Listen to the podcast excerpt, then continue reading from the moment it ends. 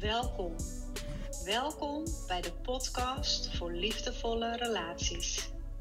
Mijn naam is Claudia Krumme en ik ben oprichter van Counseling Center Changes. Ik begeleid mannen en vrouwen bij relatie- en liefdesverslavingen. Ik ondersteun mensen bij het loskomen van verslavende relaties, verlatingsangst, bindingsangst en codependency. Welkom lieve mensen bij deze zondagse podcast.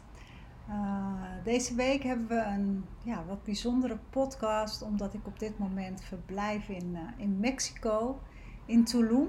En uh, ik vond het toch heel fijn om, uh, om deze podcast met jullie te delen. de aanleiding was eigenlijk de dag dat ik vertrok, dat ik me realiseerde dat ik ehm, weer een nieuwe vorm van onthouding inging. Um, hè, de laatste 20, 25 jaar. Even kijken. Ja, 25 jaar inmiddels houd ik me bezig met herstel van verschillende dwangmatigheden en verslavingen uit mijn eigen leven. En later ook uh, in het leven van anderen.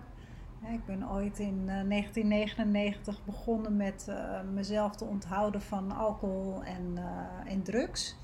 En toen ik een aantal jaren clean was, um, merkte ik dat er een, ja, een, een eetstoornis naar boven kwam. Die er eigenlijk al was voordat ik ooit begon met middelengebruik. Um, dus het was ook heel logisch dat toen ik stopte met, uh, met alcohol en middelen, dat dat dwangmatig overeten, dat dat weer naar, uh, naar boven kwam. Um, toen ik op een gegeven moment onthouding had van dwangmatig overeten, toen realiseerde ik me dat mijn relaties obsessief waren en dwangmatig. Uh, dus toen ging ik uh, me verdiepen in het proces van herstel van relatieverslaving en codependency.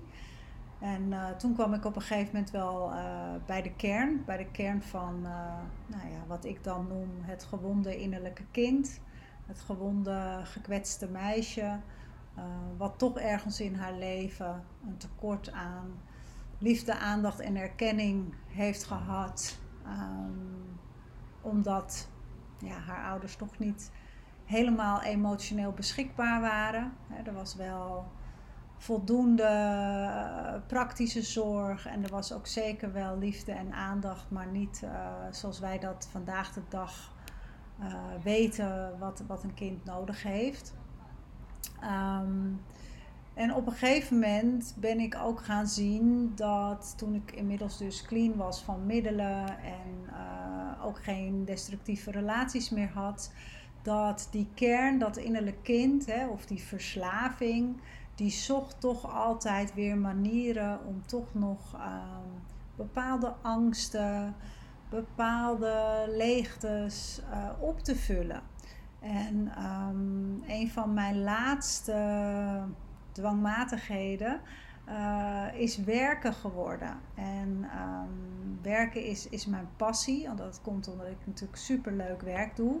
Hè, omdat ik mijn eigen herstel en mijn eigen proces van heling uh, mag inzetten in mijn werk en mag doorgeven aan andere mensen. En andere mensen daar ja, een beter leven mee kan geven. Dus dat is super, super dankbaar werk. Um, maar het, houdt natuurlijk veel meer in. Dus op een gegeven moment toen ik uh, als zelfstandige begon um, en het uh, werken in loondienst echt ging loslaten, toen merkte ik ook dat daar een bepaalde obsessie um, ja, mee gepaard ging. En nu inmiddels jaren verder, hè, dat er eh, twee ondernemingen staan, hè, Counseling Center Changes, waarin ik hè, particuliere zorg aanbied aan iedereen die daar behoefte aan heeft en wil herstellen hè, van emotionele verwaarlozing in zijn jeugd, wil helen van hè, destructieve relaties en afhankelijkheden. Uh, maar sinds een jaar ook uh, een GGZ-instelling heb opgericht hè, voor mensen die vanuit die relatieverslaving of narcistisch misbruik, uh, een depressie hebben gekregen of PTSS ehm, hebben. Dus die ook een, een plek te geven waar zij kunnen herstellen. En dat is bij Claudia's Care Center. Ehm, dus dat is eventjes een, een, zijspoor. Ehm, maar dat is natuurlijk niet zomaar, zomaar gekomen. Daar heb ik heel hard voor moeten werken. En ja, dat, dat was ook vanwege mijn werkverslaving dat, uh, dat ik dat allemaal heb kunnen oprichten. En daarmee wil ik eigenlijk meteen een bruggetje maken naar uh, het onderwerp van vandaag. En dat is dat iedere overlevingsstrategie of iedere verslaving heeft zowel een positieve intentie als een negatieve consequentie. En de positieve intentie dus van mijn uh, dwangmatig werken of werkverslaving is uh, dat ik enorm veel heb kunnen creëren aan, aan mooie content, aan het bereiken van duizenden mensen door middel van webinars en challenges. de GGZ heb opgezet, uh, gewoon heel veel heb ontwikkeld de afgelopen jaren en heel veel mensen, inclusief mezelf, um, ja, daar een beter leven door heb kunnen geven. Dus dat is natuurlijk fantastisch. Hè? Dus in essentie uh, heeft iedere dwangmatigheid of iedere verslaving heeft in essentie iets positiefs. je zet het nooit zomaar in. En de kunst is om te onderzoeken, en dat wil ik jou meteen toe uitnodigen ook op dit moment, om te onderzoeken voor jezelf welke positieve intentie heeft mijn overlevingsstrategie of heeft mijn verslaving. Wat wil mijn gedrag nou in essentie? eigenlijk voor mij betekenen? Wat is de functie? En um, als je dat weet, dan kun je op een gegeven moment ook, wanneer je zo'n dwangmatigheid gaat loslaten, uh, kun je op een andere manier, op een voedende, gezondere, volwassenere manier aan die behoefte tegemoetkomen. Dus inmiddels um, nou ja, met name deze vakantie was dan weer zo'n moment dat ik voor mezelf ehm, onthouding beoefen. En dat betekent bijvoorbeeld voor mij vandaag de dag dat ik uh, mijn mailboxen heb overgedragen aan, uh, aan collega's. En dat ik alleen maar dingen mag doen op vakantie waar ik echt blij van word. Hè, waardoor ik me echt geïnspireerd voel. Waarin ik kan voelen dat mijn creativiteit stroomt. En een van die dingen is dus uh, mijn ervaring en mijn kennis met jullie delen over processen van heling. Uh, maar ook door middel van het schrijven van artikelen, blogs, uh, noem maar op. en me niet verlies in administratie of in mailtjes beantwoorden. Hè? Dus echt de de werkzaamheden die ook uh, ja, minder leuk zijn, hè, of die ik minder leuk vind. Um, hè, dus dat is mijn onthouding. En onthouding betekent dus dat datgene waar, um, ja, waar een bepaalde obsessiviteit in zit, dat je dat een halt gaat toeroepen.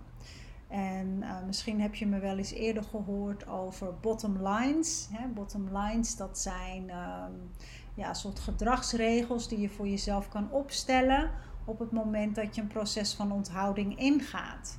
In mijn geval is dat bijvoorbeeld dat ik deze tijd in Mexico, twee weken, uh, dat ik alleen maar ochtends en s avonds even een half uurtje op social media mag.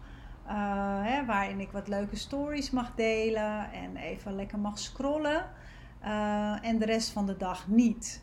Uh, datzelfde geldt voor mijn mailbox, hè, want ik kan mijn mailbox wel overdragen, maar er zijn altijd nog een paar uh, belangrijke dingen die voor mij gestart worden, hè, die ik toch echt alleen zelf kan beantwoorden. Uh, dus daar mag ik dan ook even naar kijken. En de rest van de dag hou ik me echt alleen maar bezig met ehm, dingen vanuit inspiratie en creatie. En um, dat geeft mij dan ook de mogelijkheid om, um, om te voelen. Want zoals je ook misschien eerder wel gehoord hebt van mij, is iedere verslaving of iedere overlevingsstrategie heeft maar één doel. En dat is altijd om je gevoelens te onderdrukken, om je weg te houden bij de realiteit. En vakantie is natuurlijk heerlijk om te genieten, Maar voor mij ook altijd uh, een moment, moment om weer naar binnen te keren. En te voelen welke verlangens er in mijn leven, welke behoeften en wensen er zijn. Hoe ik mijn leven wel verder wil vormgeven, wat ik wil loslaten, waar ik meer van wil, waar ik minder van wil. Welke mensen daarbij horen, welke mensen niet meer daarbij horen. Wat nog wel resoneert, wat niet meer resoneert, noem maar op. En daarvoor heb ik vertraging nodig, daarvoor heb ik stilte nodig, daarvoor heb ik um, tijd nodig. Hè? En op het moment dat ik mijn dag vul met alleen maar werk, is er geen tijd uh, voor mijn binnenwereld. dus dat, uh, dat is heel belangrijk dat ik dat voor mezelf um, ja, deze twee weken heb ingeboekt. En dat gaat super goed. En daar ben ik heel blij en dankbaar voor. Dus als ik terugkijk en denk aan de tijd uh, waarin mijn eerste obsessies en dwangmatigheden ontstonden, was ik een jaar of dertien. En ging ik naar een, uh, een balletacademie. En ik voelde daar iedere dag uh, de craving, het verlangen, de trek naar chocola. En tegelijkertijd voelde ik iedere dag de weerstand om het te eten. Omdat wanneer ik in de spiegel keek tijdens de balletlessen, dan vond ik mijn billen en mijn benen te dik. En dan nam ik mezelf voor om uh, geen chocola meer te eten. En iedere dag ontstond weer datzelfde moment uh, waarin die discrepantie eigenlijk ontstond. Hè, enerzijds dat verlangen en anderzijds die afwijzing en die weerstand. Dus als je kijkt hè, naar dat uh, dwangmatige aspect, wat was daar dan de Ehm, de positieve intentie van.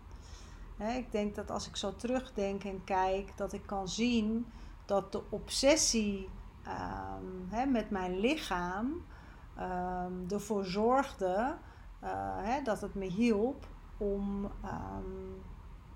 bevestiging te krijgen uh, en erkenning voor de, de balletopleiding die ik volgde. Um, tegelijkertijd, wat de negatieve consequentie was, dat ik mezelf afwees en dat er een innerlijke stem, een innerlijke criticus ontstond, uh, waar ik somber van werd en um, ja, wat, waar ik mezelf mee uitputte. Um, dus dat was de negatieve consequentie. En als ik dan kijk van wat was de positieve intentie van het eten van de chocola. Uh, dat was dat het me een lekker gevoel gaf en dat ik ervan genoot. En hè, dat, ja, dat, het, dat het me genot gaf. Terwijl de negatieve consequentie was dat ik er uh, misschien wel van aankwam. Hè, wat ervoor zorgde dat ik niet in dat uh, plaatje paste van de verwachtingen van de professionele balletopleiding die ik volgde dus zo zie je dat aan ieder gedrag, wat het ook is, aan iedere overlevingsstrategie, altijd zowel een positieve intentie als een negatieve consequentie zit. En iets later uh, in mijn puberteit uh, stopte ik uh, met deze balletopleiding. En dat deed ik omdat ik eigenlijk kennis maakte met, met het uitgaansleven. En met middelengebruik en alcoholgebruik. En de positieve intentie van dat middelengebruik was voor mij de sociale interactie met anderen, het verbinden met andere mensen, de gezelligheid, um, het plezier, de um, uitlaatklep van het los kunnen laten, mezelf durven laten zien, uh, laten horen. Dat was wat middelengebruik en alcohol mij gaf. En uh, in essentie was dat dus de positieve intentie.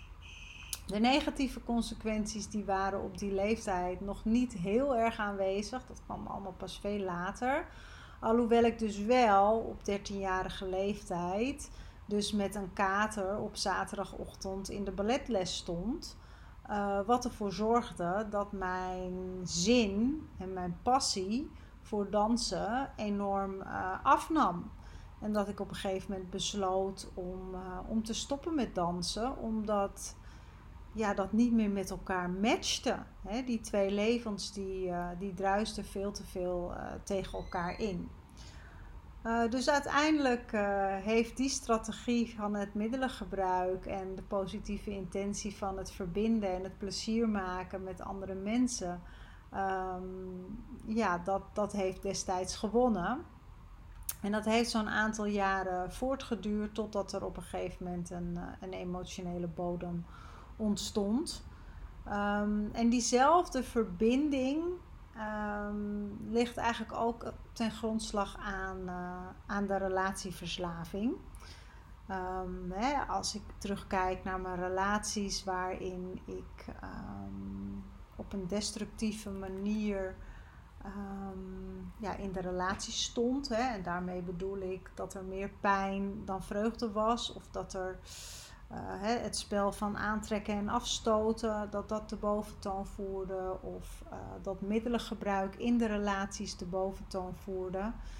Um, was toch de positieve intentie van het vasthouden aan de relatie, van het vasthouden van de verstrengeling, uh, was toch de verbinding. En we noemen het ook wel intensiteit. Hè? We verwarren vaak intensiteit met liefde. Um, dus de, de, hoge pieken en de lage dalen, die veroorzaakten bepaalde neurotransmitters en uh, dopamine, serotonine. die gaven mij het gevoel dat ik leefde. de kern en de basis van, van al mijn verslavingen zijn de, de, de hang naar spanning en avontuur. Um, dus dat, dat is wat het creëerde.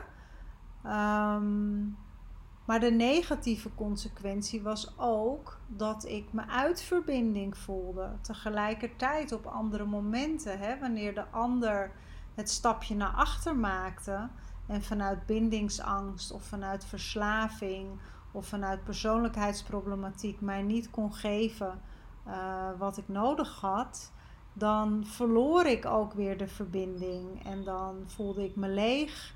Dan voelde ik me eenzaam, dan voelde ik me verdrietig.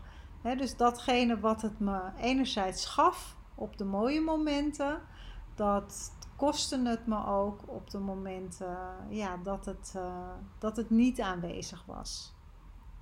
dus sociale verbondenheid, uh, het gevoel van samensmelten. Um, maar ook eerder dus in mijn puberteit, uh, verlegenheid die wegviel. Uh, dat zijn allemaal positieve intenties die een bepaald gedrag jou kunnen geven. Wat ook nog een, een negatieve consequentie was um, in, in zowel mijn puberteit als, als, als jongvolwassene, was ook dat uh, normen en waarden dat die vervaagden. ik kwam er steeds meer achter um, dat er steeds minder normen en waarden waren. Uh, dat ik steeds meer dingen normaal begon te vinden. En um, achteraf gezien, als ik daarop terugkijk, dan zie ik dat dat echt te maken had met het middelengebruik. Maar ook in de verslavende relaties vervaagden ook de normen en waarden. Dingen die ik misschien um, voorheen nooit zou pikken of een heldere grens op zou stellen. Uh, dat gebeurde later niet meer, want er was altijd wel weer een, een, stukje ontkenning of een smoesje of een bagatellisatie of een rationalisatie die ervoor zorgde uh, dat ik het gedrag van de ander kon accepteren uit angst om uh, de persoon te verliezen of uh, uit elkaar te gaan. Dus ja, ik, ik, ik wil je uitnodigen om zelf even te voelen hoe dat voor jou is. En of je dat ook herkent. En uh, als er gedrag is waar je nu last van hebt, om eens te onderzoeken van wat is daar nou de positieve intentie van? He, wat levert dat gedrag mij nou op in essentie? En dan denk je nog even niet aan die negatieve consequenties, maar denk je even puur en alleen aan um, datgene wat het je oplevert. Of dacht dat het je opleverde. Um, Ja, en een andere negatieve consequentie die eigenlijk bij alle verslavingen en dwangmatigheden uh, voorkomt, is, zijn schuld- en schaamtegevoelens. schuld- en schaamtegevoelens over middelengebruik, over dwangmatig overeten, over uh, relaties hebben met mannen of vrouwen die niet gezond voor ons zijn. Hè, want je familie, je vrienden, de mensen die je kennen, die begrijpen er niets van. Hè, die denken van hoe kan het nou dat zo'n leuke, intelligente vrouw of man um, hè, in, in zo'n ongezonde relatie blijft hangen. Terwijl uh, er zoveel mensen in deze wereld zijn die op een andere manier jouw liefde en vreugde willen brengen. Um, dus overal vind je daar schuld- en schaamtegevoelens over. En dat zijn ehm, ontzettende energievreters. Hè? Als, ik had het net al even over die innerlijke criticus, hè, die natuurlijk heel erg uh, verweven is met schuld en schaamte. Dat kost een mens enorm veel energie. Iedere keer dat jij uh, je schuldig voelt of je schaamt over jezelf, jezelf afwijst of miskent, Ehm, dan word je meestal heel erg moe. En hoe meer bewustzijn je ontwikkelt, hoe meer je gaat zien wat er daadwerkelijk speelt, ehm, hoe meer je ervan bewust wordt hoeveel energie het ook van je neemt. Dus ook daar wil ik je toe uitnodigen om al die gedragingen en al die strategieën is goed onder de loep te nemen en te onderzoeken van wat geeft het me nou en wat kost het me nou. Want als je dat weet, als je weet wat het je geeft en als je ook weet wat het je kost, uh, dan kun je op een gegeven moment het besluit maken om er aan mee te stoppen. Hè? En dan vormt het echt de voedingsbodem van jouw herstel vooral met name dus die negatieve consequenties, die vormen de voedingsbodem of, of, of het fundament van je herstel. En die positieve intenties, datgene wat het je geeft en wat het je oplevert, daarvan kan je gaan onderzoeken hoe je het op een andere manier, op een gezondere manier aan jezelf kan gaan geven. Dus als we even kijken naar die voorbeelden waarmee ik eh, begon uh, de positieve intentie van uh, de chocola eten, de, de vreugde die het mij gaf. Hoe kan je jezelf op een andere manier vreugde geven dan drank, drugs, destructieve relaties of dwangmatig overeten? Er zijn zoveel andere gezondere manieren om jezelf um, ja, vreugde te geven in het leven. Um, en ik hoorde ooit iemand zeggen: hè, je kunt broccoli uh, niet vergelijken met chocola. Nee, dat klopt.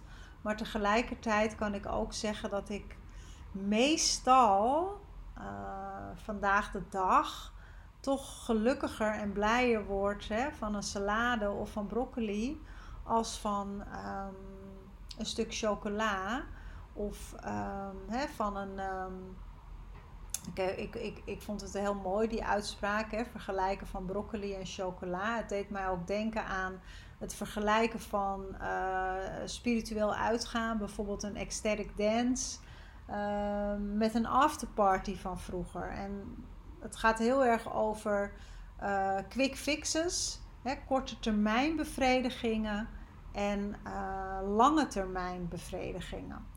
Dus alles wat ongezond en destructief voor je is. dat zijn vaak quick fixes en dat geven je heel even kort bevredigingen en lekkere gevoelens. Maar op de lange termijn geeft het je eigenlijk alleen maar negatieve consequenties. En daarmee wil ik natuurlijk niet zeggen dat je nooit een stukje chocola mag eten. Maar voor mensen die gevoelig zijn voor dwangmatigheden en obsessies en verslavingen, ehm, is het veel fijner om ehm, onthouding te hebben over de dingen waar, waarmee je niet goed om kan gaan. En dan heb ik het weer over destructieve relaties. Als, die, als iemand echt ongezond voor jou is, dan betekent dat niet per se, per definitie, dat die persoon slecht is. Maar het betekent wel dat jullie samen in die dynamiek ehm, ja, iets bij elkaar opwekken wat een ongezonde dynamiek geeft.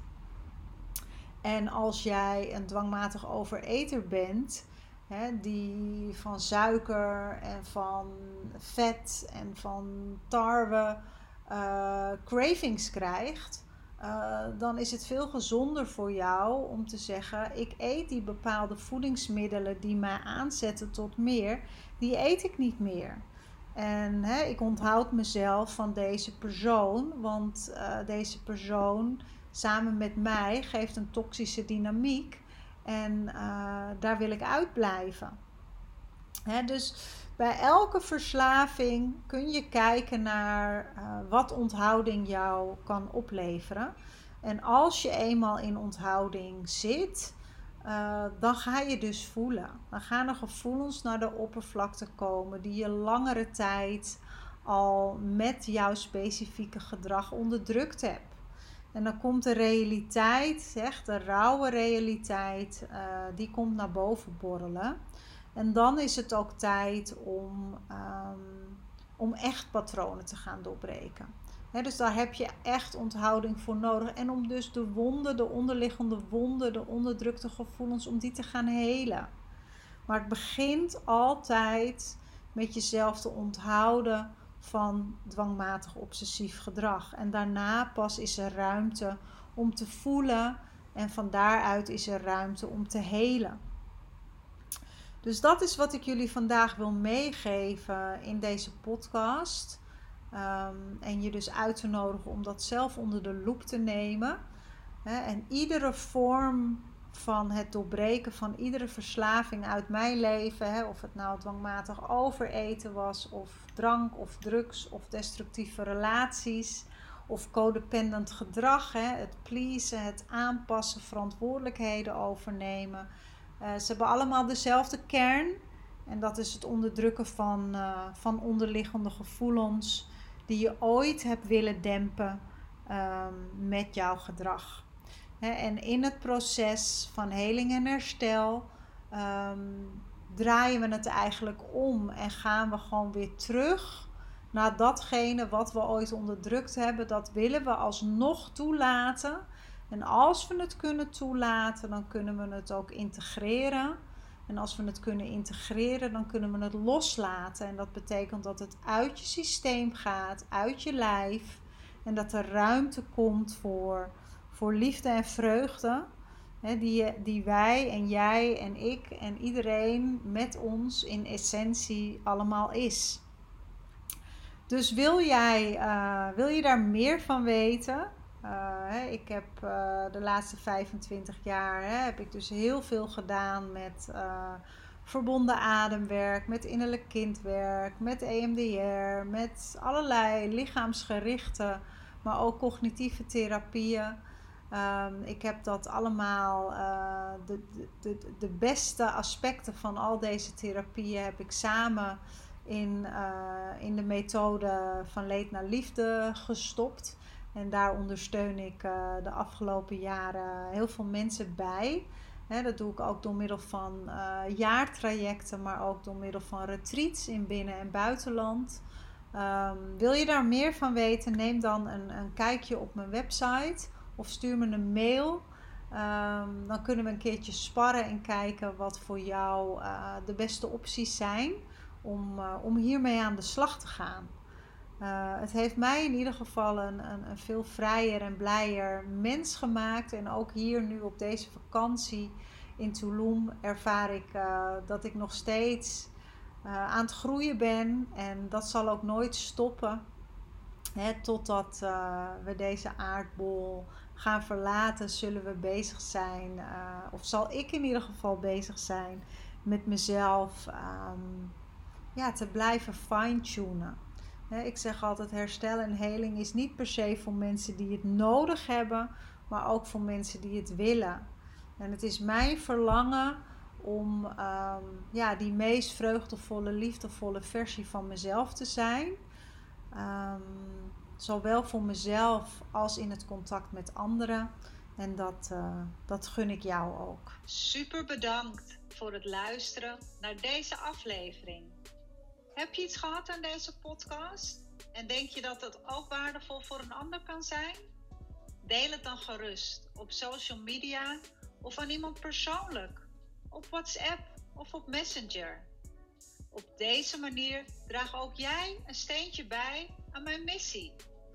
Het is mijn missie om zoveel mogelijk mensen te ondersteunen bij het helen van trauma en oude wonden, zodat iedereen een gezonde relatie met zichzelf kan ontwikkelen en van daaruit ook met anderen. En heb je nou het gevoel dat je meer nodig hebt dan alleen luisteren naar mijn podcast? Neem dan een kijkje op een van mijn websites en onderzoek welke vorm van ondersteuning het beste bij jou past. En kom je er alleen niet uit? Stuur ons dan een mail, dan kijken we graag met je mee. Voor nu wens ik je een liefdevolle dag toe en tot volgende week.